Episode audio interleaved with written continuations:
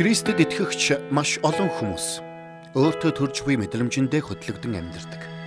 Тэд өөрсдөө Бурхны дөр төрхийн дагуу бүтээгдсэн гэдгийг мэддэгч өөрсдийгөө үн цэнгүй гэсэн мэдрэмжинд автан амьдардаг. Хэдийгээр Бурхан биднийг хайрладаг гэдгийг тэд толгойдоо мэддэгч үл хайрлагдсан нэгэн мэт мэдрэмжинд автан амьдардаг. Тэгвэл хамтдаа нэвтрүүлгийн өнөөдрийн дугаараар доктор Стенли бидэнд мэдрэмжэндээ хөдлөгдөн амьдрах нь бидний амьдралыг хэрхэн хүлээсэнд оруулдаг болохыг тайлбарлаж өгөх болно. Харин бид Бурхны үннээр дамжуулан эрх чөлөөтэй болох үедээ сая нэг Бурханаас бидэнд бэлдсэн гайхамшигтай бүрэн дүүрэн амьдралаар амьдарч чаддаг ажээ. Тиймээс бид өөрсдийн дотор төрж буй мэдрэмжийг дарж Бурхны ховиршгүйгнээс зурж итгэлийн амьдралдаа баяр хөөр урам зоригоор дүүрэн амьдрах учиртай юм. Энэ болон өөр олон чухал зүйлсийг доктор Стенли бидэнд өнөөдөр хэлж өгөх болно.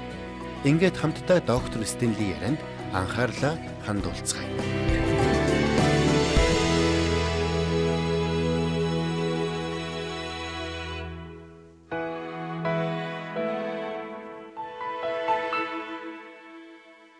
Юуны өмнө хамтдаа Иохан номын 8 дугаар бүлгийн 31 32-ыг гаргаад уншъя. Тэгвэл бид эдгээр зүйлсийн тухайд юу хэлэх вэ? Хэрэг бид Бурхны талд юм бол хэн биднийг эсэргүүцэх вэ?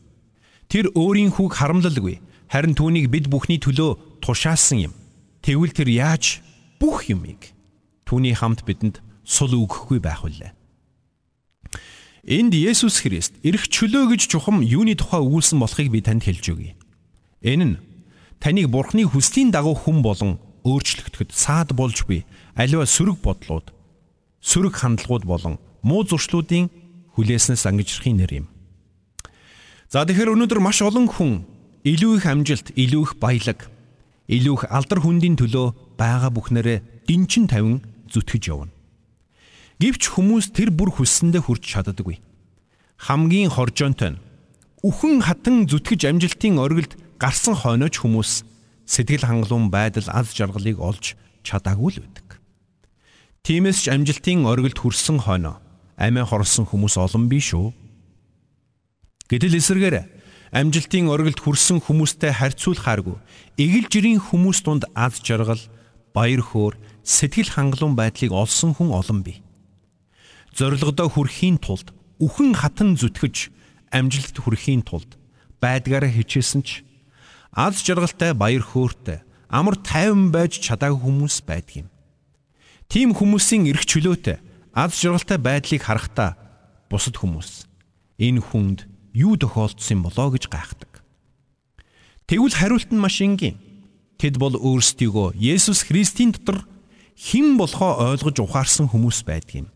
Тэд бол буруутгал, өөрийгөө голох, өөрийгөө чамлах, өөртөө эргэлзэх тэр бүх сөрөг мэдрэмжүүдээс ангижирч чадсан хүмүүс байдаг юм. Бурхан өөрийнхөө хүүхдүүдийг ингэж л амьдраасаа гэж хүсдэг. Та санаж байгаа бол өмнөх хичээлүүдээр бид өөрсдийн байр суурийг Христ дотор хинбэ гэдгийг олж мэдсэн. Бурхан биднийг хайрлаж Есүс Христээр дамжуулан бидэнтэй эвлэрсэн. Тэр бидний гим нүглийг уучлж бидний гэр бүлийнхэн гишүүн болгоод хаан улсынхаа иргэн болгосон гэдгийг бид үзсэн. Түүгээр зогсохгүй. Тэр биднийг Христтэй хамт Тэнгэрлэг оршихуйд суулгасан гэдгийг ч үзсэн. Энэ бол бидний Христ доторх байр суурь. Бид ариун сүнсээр дамжуулан Христ рүү баптизм хүртсэн учраас цаашид бид Христийн дотор, Христ бидний дотор байна. Энэ бол бидний ойлгох учиртай эхний чухал үнэн байсан юм. Үүний дараа бид ойлгох ёстой хоёр дахь чухал үнний талаар ярилцсан. Тэр бол Христийн дотор байгаа бид яг хин юм бэ гэсэн асуулт байсан юм. Өнөөдөр та бид нар яг хин юм бэ? Бид үн цэнгүй өөртөө итгэлгүй сулдраа хинт ч хэрэггүй хүмүүс юм уу? Эсвэл бид өөрсдийгөө арай өөрөөр харах ёстой юм уу? Бурхан яг биднийг хэн гэж харж байгаа юм бэ? Бид өөрсдийгөө Бурханы нүдээр харж эхлэх тэр цагт сая бид жинхэнэ эрх чөлөөг мэдэрч чадах болно. Тэр цагт та байгаагаасаа илүү ихийг бүтээж таны амьдрал бусдад илүү их нөлөөлөх болно. Тэгвэл бид Христийн дотор хин юм бэ? Библи бидэнд хэлэхдээ биднийг ариун хүмүүс гэж тодорхойлсон. Мөн бидний Христийн дотор шин бүтээлүүд гэж тодорхойлсон юм. За тэгвэл харин өнөөдрийнхөө дугаараар Христэд итгэгчид бид хэн болохыг ойлгоход тустай хоёр чухал ойлголтыг та бүхэнд хэлж өгмөр байна. Бид өөрсдийгөө харахтаа нэг бол бусдын нүдээр хардаг. Эсвэл өөрөө өөрийнхөө талаар ямар бодолтой байдаг вэ? Тэр бодолтоо автан хардаг юм. Тэгвэл энэ бүхнээс илүүгээр Бурхан биднийг хэн гэж хардаг вэ гэдгийг ойлгох нь маш чухал юм. А ингэж харсан тэр цагт бид жинхэнэ эргчлөөг олох болно. Учир нь эзэн Есүс хэлэхдээ та нар үннийг мэдж, үнэн та нарыг чөлөөлнө гэсэн юм. Тэгвэл өнөөдөр би та бүхэнд Христэд итгэгчид бид өөрсдийнхөө талаар мэдж байвал зохистой хоёр чухал зүйлийг хэлж өгөхөөр бэлдсэн байгаа. Энэ хоёр зүйлийг ойлгосноор та сөрөг мэдрэмжийн хүлээснээсээ ангиж ирж Бурхны хүслийн дагуух нэгэн болон өөрчлөгдөж чадна. За ингээд хамтдаа юуны өмнө Эфес номын 2 дугаар бүлгийг гаргаад харъя. 10 дугаар ишлэл биднийг Христийн дотор хэн болохыг тодорхой өгүүлсэн байна. Гэхдээ 8 9-ийг нь эхлээд харъя. Нэгүслийн учир итгэлээр аврагдсан та нараас бус харин Бурхны бэлэг бөгөөд үйлсээр чинь биш тул хинч үл сайрах болно. 10 дээр нь учир нь бид сайн үйлсийн төлөө Есүс Христ дотор бүтээгдсэн. Түүний бүтээл мөн. Бидний эдгээрийн дотор яваасаа гэж Бурхан урдаас бэлтгэсэн билээ гэсэн байна. Энд биднийг сайн үйлсийн төлөө Есүс Христ дотор бүтээгдсэн түүний бүтээлүүд хэмээн тодорхойлсон байна. Тэгвэл энэ нь юу гэсэн үг болохыг би тань тайлбарлаж өгье. Энд гарч буй бүтээл гэдэг үг нь хийх, үйлдэх гэсэн утгатай грек үгнээс гаралтай юм. Өөрөөр хэлбэл Бурхан одоо ч биднийг өөрийн хүслийн дагуу шинжилсээр өөрчилсөөр байгаа гэсэн санааг Паулинд илэрхийлсэн юм. Би 10 дугаар ишлэгийг дахиад уншиж өгье. Учир нь бид сайн үлсийн төлөө Есүс Христ дотор бүтээгдсэн. Түүний бүтээл мөн бидний эдгээрийн дотор яваасаа гэж Бурхан үрдээс бэлтгэсэн билээ гэж байгаа. Эндээс үзвэл Бурхан биднийг аварч Есүс Христийн дотор зогсохдоо одоо ч биднийг өөрийн хүслийн дагуу өөрчлөн шинжилсээр байгаа аж. Тиймээс хэрвээ хэн нэгэн хүн танаас чи яагаад сүнсээр өсөхгүй байгаа юм бэ гэж асуувал та тэр хүнд би өсөж байгаа гэж хариулаарай. Учир нь Христэд итгэсэн мөчөөс эхлээд бид бүгд эзэн дотор сүнсээр өсөж байдгийг. Хэрвээ та эзэн Есүс дотор сүнсээр өсөхгүй байгаа бол та эзнээс айжмаар холдож байна гэсэн үг юм. Учир нь итгэлийн амьдралдаа бид хизээж зогсон байдалтай байдаггүй юм ургамлаар зүүрлүүлбэл бид нэг бол эзэн рүү чиглэн ургаж байдаг эсвэл эзнээс холдон ургаж байдаг юм. Эфес номын 2-ын 10-т хэлэхдээ Христэд итгэгчдийг сайн үлсийн төлөө Есүс дотор бүтээгдсэн түүний бүтээлүүд гэж тодорхойлсон. Биднийг Бурхны гарын бүтээл гэсэн санааг илэрхийлж байгаа юм. Өөрөөр хэлбэл Бурхан одоо ч биднийг урлан бүтээсээр байна. Тэр биднийг харанхуйн хаан тулсаас чөлөөлж гэрлийн хаан тулсан иргэн болгож Христийн дотор зогссон тэрл мөчөөс эхлэн биднийг урлаж бүтээх ажлаа эхлүүлсэн байна. Эзэн Есүс үүнийг усан үзмийн модоор зөөрлүүлэн тайлбарлахдаа тайрч арчлах гэсэн үгийг хэрэгэлсэн байдаг. Үнэхээр тэр биднийг зүлгүүрдэж, сийлбэрлэж, тайрч арчилдаг юм. Энэ нь биднийг Христийн дотор өсгөж, төлөвшүүлэхийн тулд байдаг юм. Учир нь өнөөдөр Христэд итгээд маргааш гэхэд итгэлээр төлөвшчдөг хүн гэж байхгүй. Тиймээс ч Илч Петр хэлэхдээ үгийн цэвэр сүг нялх хүүхдүүд адил хүсэн тэмүүлэрэ гэж 1-р Петрийн 2-ын 2-т хэлсэн байдаг. Гэтэл бидний итгэлийн амьдралд нэг асуудал тулгардаг юм. Зарим хүмүүс Христэд итгэж авралыг аваад 40 жил итгэлийн амьдралаар амьдрахдаа балчир хүүхэд хэвээрэл байдаг. Өөрөөр хэлбэл тэд эзэн дотор итгэлээр өсөж төлөвшдөггүй гэсэн үг. Учир нь Библиэд хэлэхдээ биднийг Бурхны гарын бүтээлүүд гэж тодорхойлсон. Тэр биднийг одоо ч өөрчилсөөр бидний амьдралд гайхамшигтай ажлуудаа хийсээр байгаа. Учир нь энэ бүхний үр дүнд Бурхан бидний амьдралд хандсан өөрийн зорилгоодыг гүйцэлдүүлэхийг хүсэж байдаг юм. Тиймээс ч Эфесийн 2-ын 10-т хэлэхдээ учир нь бид сайн үлсийн төлөө Есүс Христ дотор бүтээгдсэн түүний гарын бүтээлүүд мөн бидний эдгээрийн дотор яваасаа гэж бурхан урдаас бэлтгэсэн билээ гэсэн юм штэ. Өөрөөр хэлбэл бурхан биднийг аварч өөрийнхөө хүүхэд болгоод биднийг өөрчлөн шинчилдэг нь эцсийн дүндээ бидний амьдралаас сайн үйлсийн үр жимсийг ургуулахын тулд гэдгийг Паулинд тодорхой хэлсэн байна. Гэтэл ийм байсаар байтал таны амьдралаас ариун сүнсний ямар ч үр жимс ургахгүй, сайн үйлсийн ямар ч үр жимс харагдахгүй байвал таны амьдралд ямар нэгэн зүйл буруу байна гэсэн үг. Та цуглаанд 10 жил 20 жил явсан байж болно. Гэхдээ тэр огт чухал биш. Учир нь бурхан таныг сайн үйлсийн төлөө Есүс дотор бүтээсэн болохоос цуглаанд явуулахын тулд бүтээгээгүй. Эфесийн 2-ын 10-ыг би танд дахин сануулъя. Учир нь бид сайн үйлсийн төлөө Есүс дотор бүтээгдсэн. Түүний бүтээлүүд мөн. Бидний эдгээрийн дотор яваасай гэж Бурхан урдаас бэлтгэн зэгсэн мэлээ. Энд Бурхан урдаас бэлтгэсэн тухай өгүүлсэн байгааг бид харж байна. Өөрөөр хэлбэл Бурхан биднэр хийлгэх ажлаа урдаас бэлтгэчихсэн гэсэн үг. Таныг Христэд итгэхээс ч өмнө Бурхан үүнийг аль хэдийн бэлтчихсэн байсан гэсэн үг юм. Гэтэл бид Христэд итгэсэн даруйда бурханд хандаад баярлаа бурхан минь. Надад мөн хамийг өгсөн баярлаа. Нэгэнт миний мөнхийн ирээдүйд тодорхой болсон юм чинь одоо би өөрийнхөө амьдралаа. Би ингээд мөрөө хөөдөө гэж хэлбэл яах вэ? Энэ бол бурхныг дормжилж байгаагаас ялгаагүй юм. Өнөөдөр бидэнд байгаа бүхэн бурханаас ирсэн. Ажил хийж мөнгө олох уур чадвар чинь бурханаас ирсэн. Таны гэр бүл найз нөхөд, эрүүл мэнд, хүч чадал тэр бүхэл таны амьсгалж байгаа агаарч бурханаас өгөгдсөн. Тэр бурхан одоо ч таны дотроос ажилласаар байгаа. Та бол түүний зорилгын дагуу урлагдж буй түүний уран бүтээл. Тэр биднийг Есүс Христтэй адил дүр төрхийн дагуу өөрчилж бидний амьдралаар дамжуулан сайн үйлсийн үр жимсийг ургуулахаар одоо ч ажилласаар байна. Энэ ажил одоо ч дуусаагүй байна. Надад төвчээртэй хандараа. Бурхан намайг урлан бүтээж хараахан дуусаагүй байгаа шүү гэсэн бичгтээ подуулах надад байдгийг. Энэ үгийг уншаад бид шоолон инэдэгч угтаа бол энэ бол үнэн. Та бидний дотор хийж буй ажлаа хараахан дуусаагүй байна. Тэгвэл би танаас асууя. Та Бурхны авралын бэлгийг хүлээн авсан уу? Та Есүс Христийг аврагчаа болгон хүлээн авсан уу? Та түүнээс ирэх ивэл өрөөлөдийг хүлээн авч байна уу? Хэрвээ тийм бол та нэг зүйлийг заавал ойлгох хэрэгтэй. Бурхан таныг аврахаасаа ч өмнө таны хийх ёстой ажлуудыг тань зориулан бэлдсэн байсан. Тэгээд тэдгэрийн дотор яваасаа гэж бурхан хүсэж байсан. Паулийн хэлсэнчлэн тэдгэрийн дотор явах гэсэн үг нь өөрөө Христэд итгэжтийн амьдралын хэв маягийг илэрхийлж байгаа юм.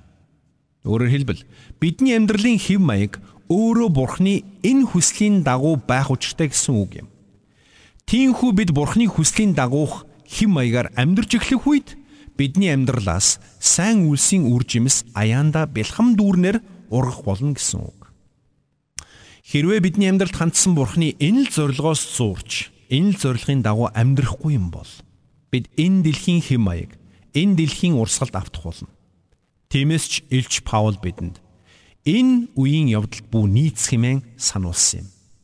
Учир нь бид жирийн нэг хүмүүс биш, харин сайн үлсийн төлөө Есүс Христ дотор бүтээгдсэн Бурхны гарын бүтээлүүд юм.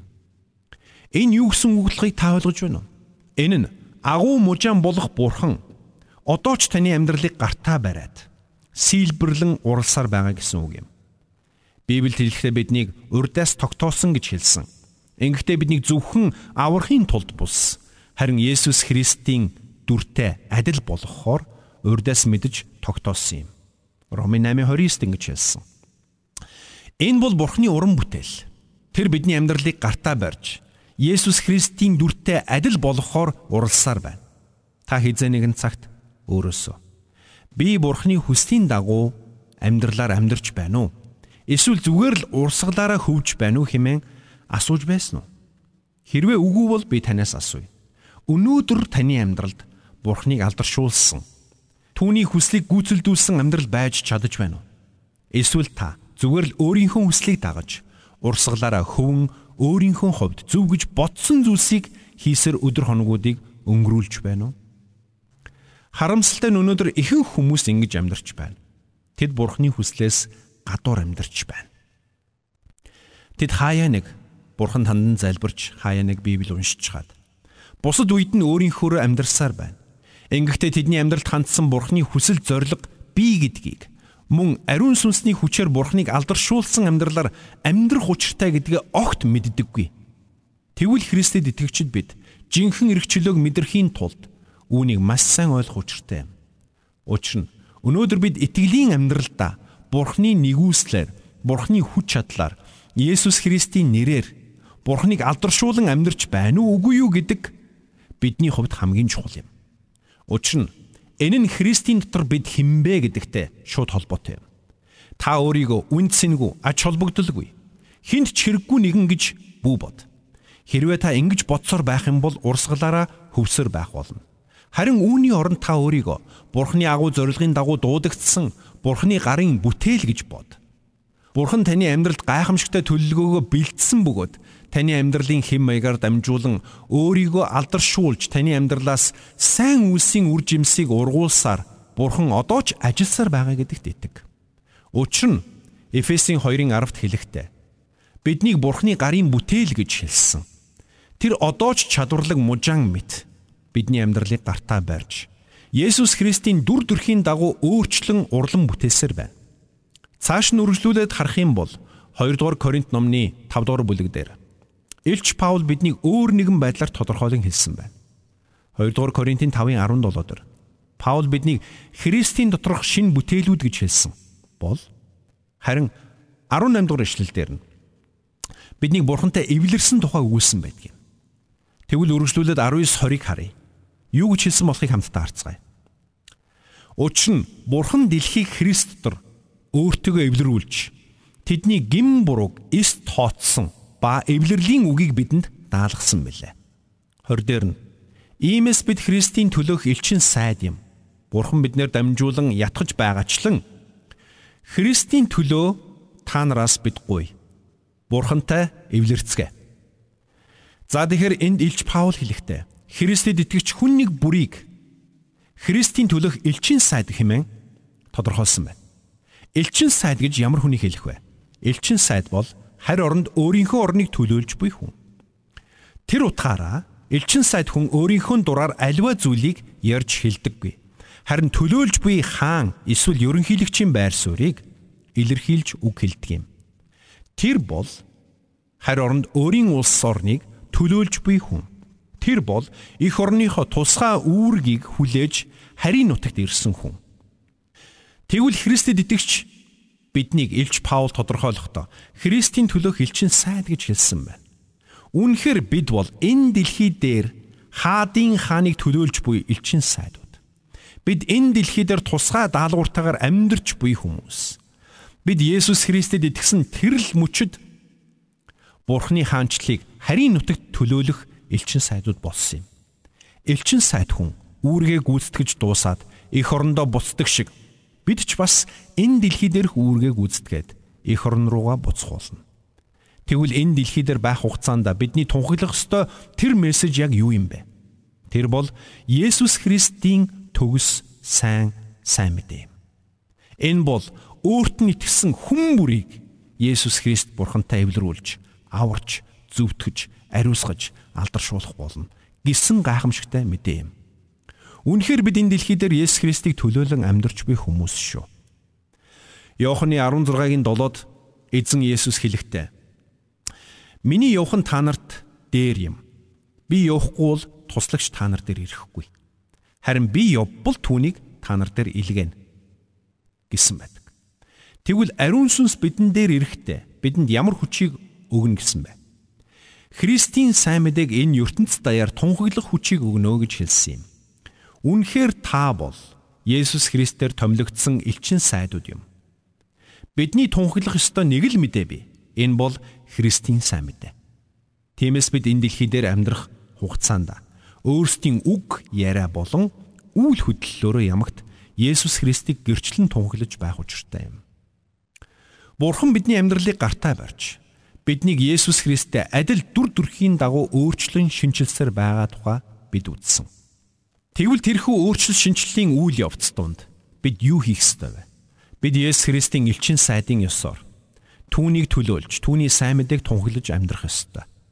Харамсалтай нь маш олон хүн өөрт нь хандсан Бурхны энэ агуу үннийг олж мэдсэн ч үүний дагуу үйлддэггүй. Учир нь тэд Бурхны хүсэлд амьдралаа зориулахыг хүсдэггүй. Харин өөрийнхөө хүслийг энэ тэргуунд тавьдаг. Тиймээс тэд Бурхныг дуулууртаа дагах шийдвэрийг гаргахаас үргэлж ухарч байдаг юм.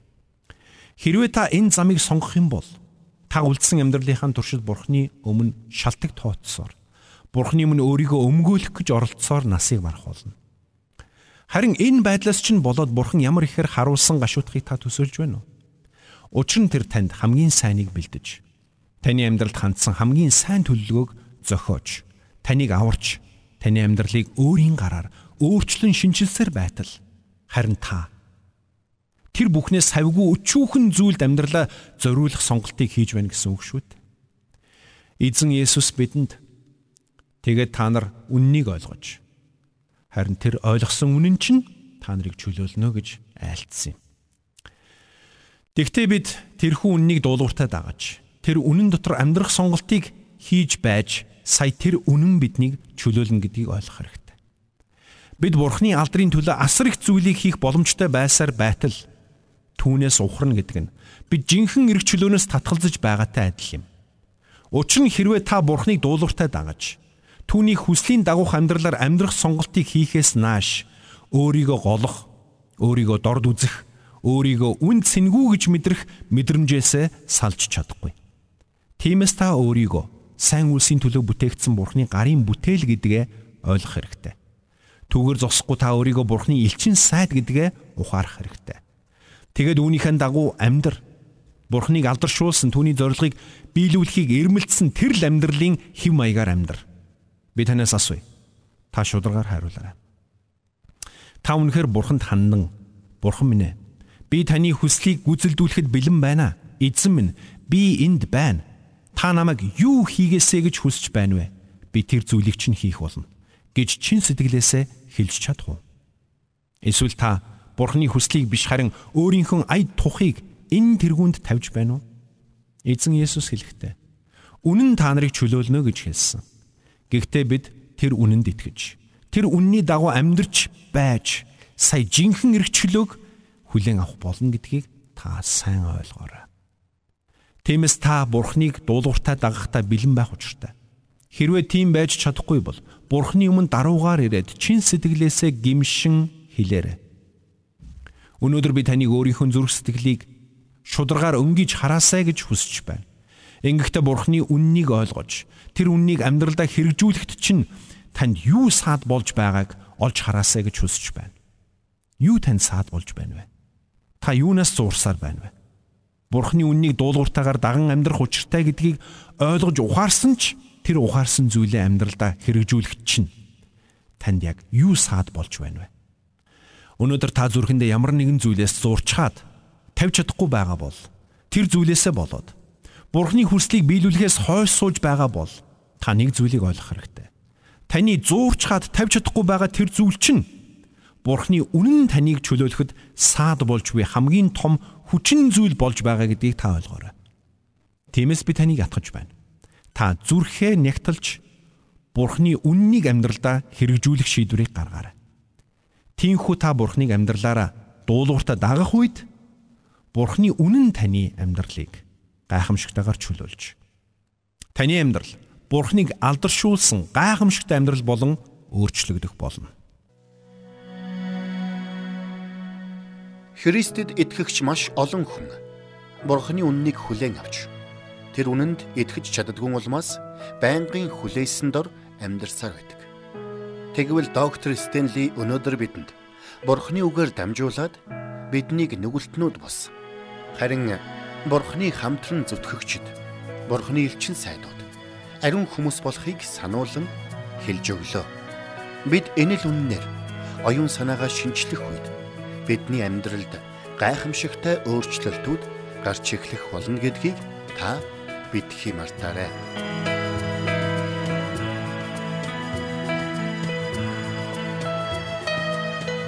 Бурханд тэмүүлсэн сэтгэл хүмүүсийг энэрх зөрхөөр амьдрахад туслах номлогч доктор Чарлз Стенлигийн хамттай нэвтрүүлэг сонсогч танд хүрлээ.